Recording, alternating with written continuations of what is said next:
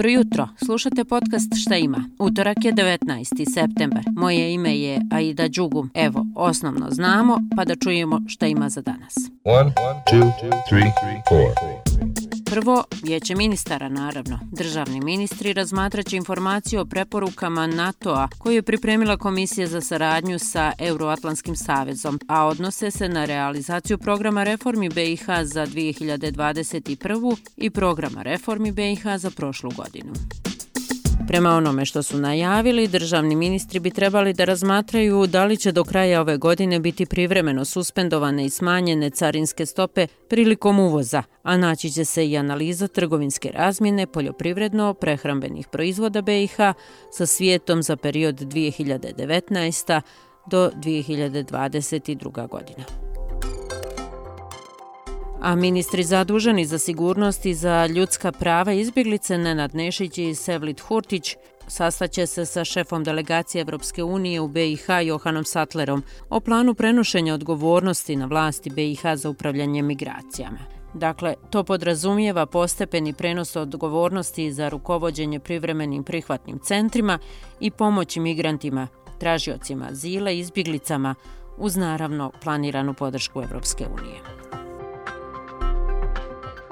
Evropski fond za jugoistočnu Evropu, skraćeno EFSE, ima regionalnu konferenciju, nazvali su je ulaganje za opšte dobro, održivost od rizika do nagrade. Amra Omeragić iz Evropskog fonda za jugoistočnu Evropu kaže da je riječ o velikom skupu. Više od 250 učesnika iz Evropske unije i regiona će biti u Sarajevskoj vječnici. Šta je važno da se zna? Za naš podcast govori Amra Omeragić. Konferencija skreće pažnje na bitnost održivog bankarstva i održivog e, finansiranja, to je ESG finansiranja, a to je u stvari finansiranje koje ima za cilj usmjeriti financijske tokove u održivo poslovanje. To je poslovanje koje ima pozitivan okolišni i društveni uticaj ili kraće rečeno to je finansiranje za održivu budućnost. Cilj EPSE fonda kao i cilj konferencije je poboljšati ESG, to jest okolišno i društveno upravljanje i doprinijeti strategiji održivosti u financijskom sektoru naše regije. I u Banja Luci danas počinje prvi Invest Forum, a organizuje ga vlada Republike Srpske i Investiciono razvojna banka. Učestvuje više od 300 privrednika iz Evrope i svijeta. Na forumu će biti predstavljene investicijone mogućnosti, potencijali i projekti Republike Srpske, a sve kako bi se uvezali privrednici i naravno formirali partnerstva ili možda dogovorili direktna ulaganja.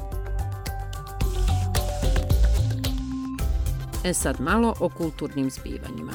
Od danas starta Ballet Fest Sarajevo, 14. izdanje i trajeće 10 dana, dakle do 29.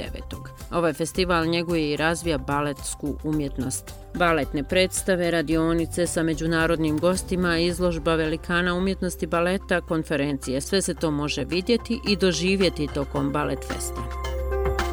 A u Muzeju književnosti i pozorišne umjetnosti Bosne i Hercegovine Večeras je veče poezije posvećeno Izetu Sarajliću i promocija knjige Oči kroz koje ću i poslije smrti gledati. I da ne zaboravim, jer me je Lela tri puta napomenula što usmeno, što pismeno, u Sarajevu se održava Evropsko prvenstvo košarke u kolicima C divizije. Eto, i to sam obavila i sad mogu da odmorim. Pozdrav do sutra. Ćao!